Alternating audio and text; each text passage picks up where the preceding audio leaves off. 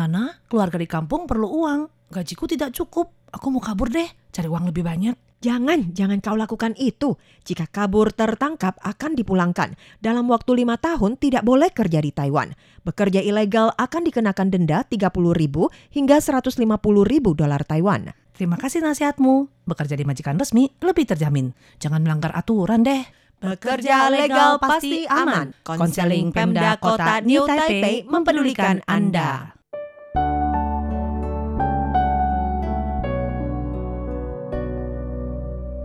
Halo, di sini saya Titi Puspa.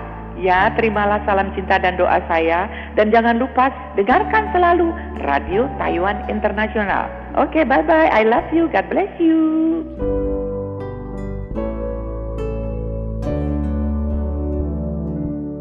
Bergabung kembali dengan Radio Taiwan Internasional siaran bahasa Indonesia dalam acara kita di hari ini, yaitu adalah Info Kita. Seperti biasanya, setiap hari Kamis, maka Info Kita akan mengudara, menemani ruang dengar Anda, tentunya menghadirkan informasi-informasi dan juga peraturan-peraturan di Taiwan ya, supaya kita semua tidak melanggar hukum. Seperti biasa, ada saya Yunus Hendri. Dan saya Aditya. Ya, jadi di hari ini telah ada beberapa uh, wacana yang akan kita bagikan ke ruang dengar Anda. Iya. Oke, yang pertama adalah tentang mencegah infeksi HIV atau HIV, mendorong pemeriksaan rutin HIV ini bagi pekerja asing di Taiwan ini Kak Adit ya. Mhm. Hmm, jadi yang namanya HIV ya ini juga menjadi salah satu fasilitas diberikan pemerintah Taiwan kepada kita warga asing. Jadi kita selaku warga asing bisa ya mendapatkan beberapa fasilitas mengenai pemeriksaan rutin HIV di Taiwan. Betul. Mm-mm. Jadi untuk yang HIV sendiri itu kalau disarankan nih ya Mm-mm. untuk para pekerja migran asing itu untuk melakukan pemeriksaan HIV di negara asal dulu sebelum datang kerja ke Taiwan Mm-mm. untuk mengetahui kondisi kesehatan masing-masing gitu ya. Mm-mm. Dan jikalau terinfeksi HIV, Mm-mm. maka disarankan untuk tinggal di negara asal guna melakukan perawatan dan juga pengobatan hingga kondisi Anda itu terkendali dan juga stabil. Setuju, setuju. Mhm. Jadi itu adalah saran pertama teman-teman ya. Yang berikutnya adalah orang asing yang terinfeksi HIV ini harus membayar biaya pengobatan dan perawatan medis di Taiwan sendiri ya. Dengan perkiraan biaya itu mencapai 200 ribu dolar Taiwan per tahunnya teman-teman. Betul. Dan juga bagi yang telah memiliki NHI atau eh, asuransi kesehatan ya maka biaya perawatan setelah 2 tahun menggunakan obat di Taiwan ini akan ditangani sesuai dengan peraturan pembayaran dari jaminan NHI di Taiwan. Betul. Hmm. Kemudian yang ngomong-ngomong soal yang namanya segala jenis penyakit yaitu adalah Mm-mm. mencegah lebih baik daripada mengobati. Setuju. Betul kan? Mm-mm. Dan maka dari itu ya, yuk cegah HIV dan juga Mm-mm. yuk melakukan pemeriksaan HIV secara rutin nih selama Mm. berada di Taiwan. Betul betul. Iya, Mm. jadi otomatis ya untuk Mm-mm. menghindari ataupun mencegah HIV, otomatis yang namanya perilaku seksual itu harus dilakukan dengan yang aman, Mm-mm. yang di mana harus menggunakan kondom pengaman ya setiap saat dan Mm-mm. pelumas berbahan dasar air. Setuju. Gitu. Mhm. Jadi itu merupakan salah satu eh, cara ya melakukan atau memperilakukan seksual yang aman. Yang berikutnya adalah anjuran untuk frekuensi pemeriksaan. Jadi ini bagi mereka yang pertama adalah bagi yang pernah melakukan hubungan seksual minimal satu kali. Kemudian bagi yang berperilaku seksual tidak aman ya atau mungkin Anda bergonta-ganti pasangan seperti itu, maka minimal satu tahun satu kali. Dan bila ada perilaku beresiko tinggi ya, seperti misalkan menggunakan jarum suntik yang sama dengan orang lain, kemudian juga bergonta-ganti pasangan seksual, menggunakan obat narkotika, berpenyakit menular seksual, dan lain-lain, dianjurkan untuk melakukan pemeriksaan setiap 3 hingga 6 bulan sekali, teman-teman. Jadi harus rutin Anda lakukan. Betul. Dan jikalau terkonfirmasi nih menderita HIV, Mm. maka Anda diharapkan ya untuk dapat Mm. melakukan pengobatan secara aktif yang Mm. pastinya ya. Mm. Jadi bila Mm. didiagnosis nih menderita HIV, maka Mm. pekerja migran asing Mm. itu tetap dapat bekerja di Taiwan. Mm. Kemudian majikan itu tidak diperbolehkan untuk memulangkan Mm. ataupun mengakhiri kontrak kerja Anda dengan alasan pekerja itu terinfeksi HIV. Mm. Ya, jadi disarankan nih agar Mm. pasien Mm. Yang terinfeksi itu untuk melakukan pengobatan secara aktif Mm-mm. guna menstabilkan dan juga mengendalikan kondisi penyakit tersebut. Setuju. Jadi Hmm. teman-teman eh, bagi Anda yang ingin melakukan pemeriksaan HIV di Taiwan, Anda bisa melakukannya ya, nggak perlu takut soalnya di Taiwan juga pasti Anda akan terjaga rahasia Anda dengan baik teman-teman ya. Mhm. Jadi itu perihal mengenai uh, wacana pertama yaitu perihal mengenai mencegah infeksi HIV. Oke, yang berikutnya kita langsung lompat ke peraturan berikutnya yaitu tentang yaitu adalah kendaraan roda 2 mikro atau kendaraan listrik mini roda 2 teman-teman Mhm. ya. Disebutkan ini semenjak tanggal 30 November di tahun 2022 kemarin, pemilik ini wajib mematuhi peraturan untuk melakukan pendaftaran permohonan plat nomor, kemudian mengurus asuransi wajib kendaraan untuk dapat dikendarai di jalan raya ini Kak Adit. Betul. Jadi Hmm. yang namanya asuransi itu juga eh, asuransi wajib kendaraan ya. Hmm, Itu hmm, hmm. gampang dan juga sangat praktis ya. Setuju. Karena Hmm. ini dapat diurus secara online ataupun Hmm. dengan menghubungi berbagai perusahaan asuransi harta benda. Hmm. Gitu. Jadi nggak harus ke kantor, Hmm. bisa dilakukan melalui handphone mungkin ya. Hmm. Jika kalau bisa internet dan Hmm. Anda pun bisa mengajukan ataupun mengurus Hmm. asuransi wajib kendaraan melalui online. Setuju. Mhm. Jadi ini merupakan peraturan yang harus Anda taati teman-teman ya, merupakan peraturan baru. Jadi bagi Anda yang membeli kendaraan listrik mini roda 2 ya, maka itu harus meletakkan yang namanya adalah plat nomor, kemudian juga harus mengurusi asuransi wajib kendaraan, teman-teman. Iya, Hmm. betul sekali. Oke, Hmm. jadi yang namanya kendaraan roda 2 listrik mikro ini ya, sepertinya mungkin beberapa belakangan ini ya, Kak Adit ya, Mhm. menjadi pembicaraan banyak orang. Betul. Jadi mungkin banyak peraturan-peraturan yang harus Iya. ditaati ya. Mhm. Ada ketentuan baru, kemudian juga sepertinya apa sih yang disebut dengan kendaraan roda 2 listrik mikro, teman-teman. Iya. Jadi di sini kita bisa memberikan artinya yaitu adalah kendaraan yang tidak menggunakan pedal, teman-teman ya Iya. Yaitu adalah kendaraan roda 2 bertenaga penggerak utama listrik yang telah lolos uji sesuai tipe Kemudian juga dengan batas kecepatan mengemudi ini maksimum 25 km per jamnya. Kemudian berat kendaraan di bawah 40 kg, tidak termasuk baterai atau di bawah 60 kg termasuk baterai. Oh, Hmm. oke. Kemudian untuk yang namanya sepeda listrik otomatis yang harus ataupun ada Hmm. memiliki pedal gitu Ya, ya. betul. Jadi kalau ada pedal otomatis sepeda listrik. Kalau Mm-mm. tidak ada pedal Mm-mm. maka ya seperti tadi yang Kak Yunus bilang yaitu Mm-mm. namanya kendaraan roda 2 listrik mikro, agak ya. panjang ya. Oh iya, aduh, hmm, tadi kebelet ya gitu ya. Uh-huh. Oke, kita lanjut lagi ke namanya Ya. sepeda listrik yang memiliki pedal tersebut ya. Oke. Ya, dan sepeda listrik itu adalah kendaraan roda dua nih yang bertenaga penggerak utama tenaga manusia Mm-mm. dan juga listrik sebagai tenaga pembantu yang telah lolos uji sesuai tipe. Mm-mm. Kemudian Mm-mm. batas kecepatannya mengemudi itu maksimum 25 km per jam Mm-mm. dengan berat kendaraan di bawah 40 kg.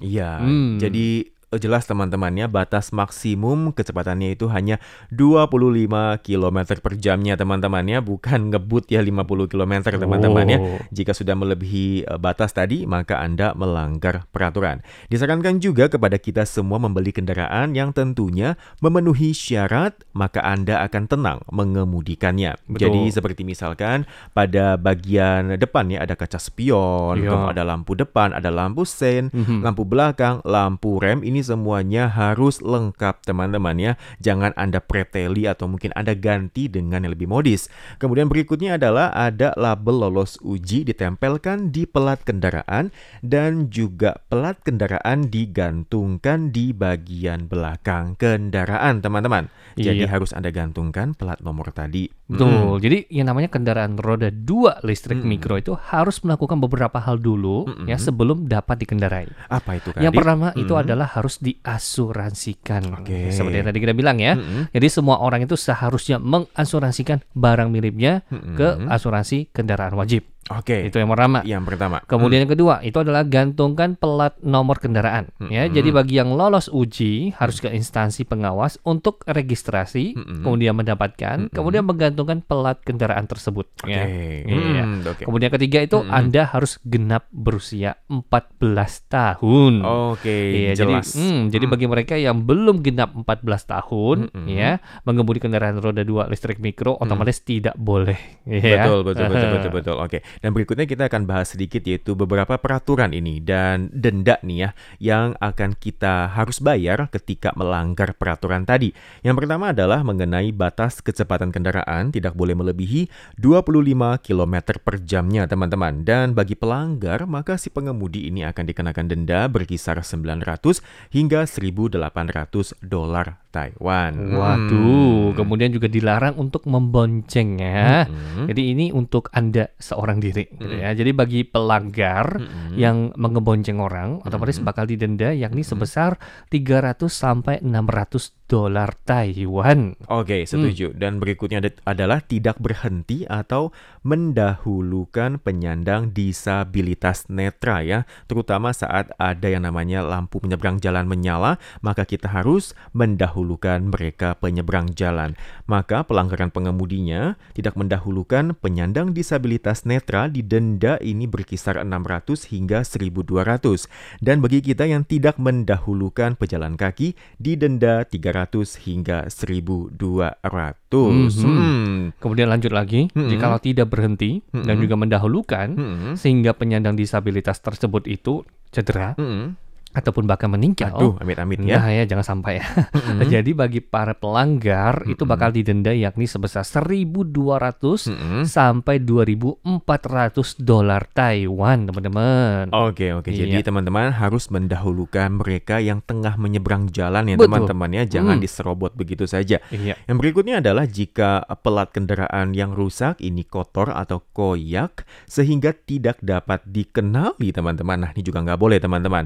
Nah ini pemilik kendaraan akan didenda berkisar 900 hingga 1.800 diminta untuk memperbaiki atau mendapatkan pelat kendaraan yang baru. Mhm. Hmm. Kemudian yang tak kalah pentingnya itu adalah Mm-mm. jikalau tidak memakai helm. ya. Oh, Jadi yang Adit? helm itu harus Mm-mm. wajib pakai ya. Mm-mm. Jadi bagi para eh, pengemudi Mm-mm. yang me- mengendarai kendaraan roda 2 listrik mikro dan Mm-mm. tidak pakai helm, Mm-mm. maka bakal dikenakan denda yakni sebesar 300 dolar Taiwan. Oh, Hmm. nggak main-main dendanya Kak Adit ya. Iya. Kemudian berikutnya adalah ini pengemudi mabuk teman-temannya atau menggunakan narkoba atau bahkan ini Anda menolak untuk menerima tes alkohol. Jadi yang pertama adalah pengemudi mabuk ya atau narkoba dikenakan denda ini berkisar 1.200 hingga 2.400. Bagi Anda yang menolak untuk menerima tes alkohol maka akan didenda 4.800 teman-temannya lebih mahal dan langsung melarang mengemudikan kemudian juga akan menyita kendaraan bersangkutan. Hmm. Betul. Kemudian yang lebih sering ditemui nih Mm-mm. ya Apa tuh, pelanggarannya itu adalah Mm-mm. memodifikasi sendiri perangkat kontrol elektronik ataupun spesifikasi asal motor tersebut ya motor Mhm. eh, kendaraan listrik itu ya. Mm-mm. Jadi bagi siapa yang tidak memenuhi syarat nih kendaraannya itu, Mm-mm. jadi maka pemilik itu bakal didenda yakni sebesar 1.800 Mm-mm. sampai 5.400 dolar Taiwan dan Mm. bukan hanya itu saja Mm-mm. dan bakal diminta untuk mengubah kembali ke spesifikasi asal. Jadi kalau Oke. udah dimodif Mm-mm. ya sepeda listriknya Ah, bakal didenda, Denda. kemudian bakal diminta balikin lagi Balikin kayak semula. gitu ya teman-teman ya. Maka dari itu jangan dimodif deh. Iya, ya. karena percuma Kak Adit ya. Betul. Anda akan diminta untuk mengembalikan ke spesifikasi awalnya teman-teman. Mhm. Oke. Yang berikutnya juga ada beberapa peraturan teman-teman ya. Wah ini cukup banyak teman-teman ya. Betul. Jadi yang pertama akan Yunus memberitahukan dari yang didenda dari 1.200 hingga 3.600 dan mungkin akan dilarang untuk mengemudinya teman-teman ya. Jadi yang pertama adalah mengemudi tanpa pelat kendaraan yang sesuai peraturan atau memakai pelat kendaraan palsu bahkan ya atau mungkin Anda sengaja untuk mengubah nomor atau mengubah modifikasi yang terlet- eh, terdapat dalam pelat kendaraan tadi. Waduh. Yang berikutnya adalah meminjamkan pelat kendaraan pada kendaraan lainnya atau menggunakan pelat kendaraan teman Anda ya. Misalkan Waduh. Anda lagi mengajukan eh belum selesai gitu ya. Udah pinjem ya. Udah nggak sabar nih Kak Adit, Iya. Wah, pengen langsung bawa Iya, gitu iya, ya, iya. pinjem deh punya tetangga ya. Nggak boleh teman-teman ya melanggar peraturan. Hmm. Yang berikutnya adalah sudah mendapatkan pelat kendaraan tetapi ini nggak mau digantung ya. ya atau nggak digantung di tempat yang telah ditentukan. Jadi itu di belakang teman-temannya seperti kendaraan bermotor pada umumnya teman-teman. Yang berikutnya adalah pelat kendaraan telah dibatalkan. Ini mengemudi kendaraan tanpa pelat kendaraan. Jadi juga nggak boleh teman-teman ya. Misalkan, misalkan motor Anda disita, ya Anda juga harus mematuhinya dan jangan dikendarai teman-teman ya. Itu juga akan melanggar peraturan. Yang berikutnya tidak melaporkan untuk penggantian pelat kendaraan yang hilang setelah diperingatkan tetap tidak memprosesnya ini malah masih mengemudikannya. Maka dendanya 1.200 hingga 3.600 dan akan dilarang untuk mengemudi. Betul. Kemudian selanjutnya ini masih ada lagi peraturan-peraturan dengan Hmm. denda yakni 300 dolar Taiwan sampai 1.200 dolar Taiwan dan Hmm. Apakah saja itu? Hmm. Yuk langsung saja kita bahas nih Iya. ya. Hmm. Jadi yang pertama itu adalah tidak mengemudi di jalur lamban yang Hmm. ditentukan Hmm. ataupun tidak menggunakan lajur kanan untuk jalan yang tidak memiliki jalur lamban. Oke, jelas Ya. teman-teman ya. Kemudian kedua itu adalah membelok, Hmm. menyalip, Mm-mm. parkir ataupun melewati persimpangan dengan tidak mematuhi peraturan. Nggak boleh juga ya. Iya, kalau yang motor biasanya kan harus eh, Mm. berhenti dulu di depan Betul. baru boleh belok kiri. Iya harus dua kali ya. Iya, jadi intinya di Taiwan kalau naik motor itu Mm-mm. tidak boleh langsung belok kiri. Nggak boleh teman-teman. Enggak boleh ya. Jadi harus ke depan dulu ada satu kotak di Ah. depan di situ berhenti, Ah. baru boleh bel- Ah. eh, lurus lagi Lurus. untuk belok kiri. Jadi berhenti dua kali kan? Berhenti dua kali. Ingat Oke. ya, Hmm. motor tidak boleh langsung belok kiri. Iya, teman-teman ya. melanggar peraturan. Betul. Hmm. Kalau enggak 300 1200. Wih, Aduh, itu lumayan. bakso ya. Aduh. Lumayan. Tiga kali makan loh Iya. Kak Adit ya. Oke, kita lanjut lagi nih ya. Ini kita Oke. loncengnya sampai ke bakso. Iya, Oke, peraturan yang ketiga itu adalah ti- berebut lajur jalan Hmm. ataupun mengemudi kendaraan dengan cara yang berbahaya lainnya. Hmm. Mungkin lepas tangan. Oh iya. Iya kan, Oh, pakai kaki gitu pengen kan. show bentar Oh, iya, ya. nggak boleh ya. Itu kalau kena foto 1200 ya. Iya. ya, kemudian yang keempat itu adalah tidak menyalakan lampu saat mengemudi kendaraan di malam hari. Nah, ini tak kalah pentingnya. Iya, betul betul. Kemudian Kemudian Hmm. menggunakan telepon genggam ataupun komputer komputer nih saat mengemudi kendaraan ya. Jadi biar lebih keren. Oh, ya, tadi kan lepas tangan. Iya, lepas tangan sambil komputer pakai depan ya. komputer. Oke. Jadi jangan ya teman-teman, jangan ditiru ya. Iya. Ya, kemudian iya. keenam itu tidak menghiraukan instruksi dari polisi lalu lintas ataupun petunjuk dan juga rambu lalu lintas. Eh lampu merah, yuk buruan. buruan. Boleh. Nggak boleh ya. Merah adalah untuk berhenti, Aha. kuning adalah untuk hati-hati Hati, dan hijau, hijau. baru jalan. Oh, Bukan gitu. sebaliknya ya. Terus kira kalau kuning tuh terabas. Oh, gitu ya. jangan, bukan. jangan, jangan. Harus Itu untuk hati-hati. yuk oh, rem yuk ya, gitu bukan ya. bukan terobos ya. Betul. Betul betul Oke. Kemudian ketujuh adalah Hmm. tidak mematuhi arah mengemudi yang diberlakukan. Orang yang lurus ke sana kitanya mundur sendiri. nah, ini lebih bahaya lagi ya. Kemudian kedelapan Oke. itu adalah menghentikan kendaraan tidak berdasarkan peraturan. Tiba-tiba Oke, langsung ngerem. Rem mendadak. Itu lebih bahaya lagi tuh. yang di Hmm. belakang ya. Iya, apalagi Betul. kalau ada mobil.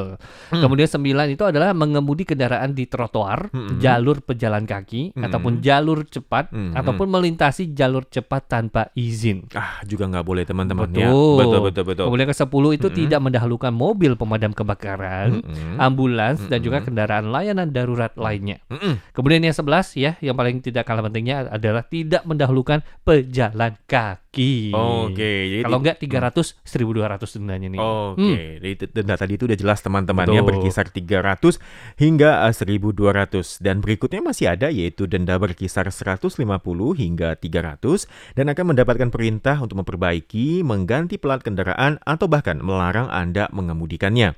Yaitu adalah pelat kendaraan hilang atau rusak tetapi tidak mengajukan untuk pemberian, penggantian atau permohonan pelat kendaraan yang baru teman-teman. Jadi pelat kendaraan tadi sangat penting teman-teman ya. Ini Mhm. peraturan baru ya semenjak bulan Desember kemarin, maka Anda harus mentaatinya. Pastikan kendaraan Anda itu memiliki pelat kendaraan. Yang berikutnya adalah pelat kendaraan kotor, nggak dicuci bersih hingga jelas atau menutupinya dengan benda lain. Sengaja gitu ya, ditutupi Iya. boneka di sana, Hmm. kemudian pakai lampu kelap-kelip gitu juga nggak boleh teman-teman ya. Jadi itu bisa menghalangi polisi untuk mengetahui nomor Anda ya Iya. dan juga untuk memasang lampu tadi, kemudian mengganti spesifikasi, Mhm. ya itu juga melanggar peraturan yang ada. Betul. Hmm. Jadi yang paling pentingnya Hmm. untuk bisa mengendari kendaraan roda dua listrik mikro, Hmm. otomatis harus ada tiga langkah. Yang pertama Hmm. adalah harus Hmm. diasuransikan, Hmm. kemudian juga harus gantungan pelat kendaraannya. Kemudian ketiga adalah Anda harus genap 14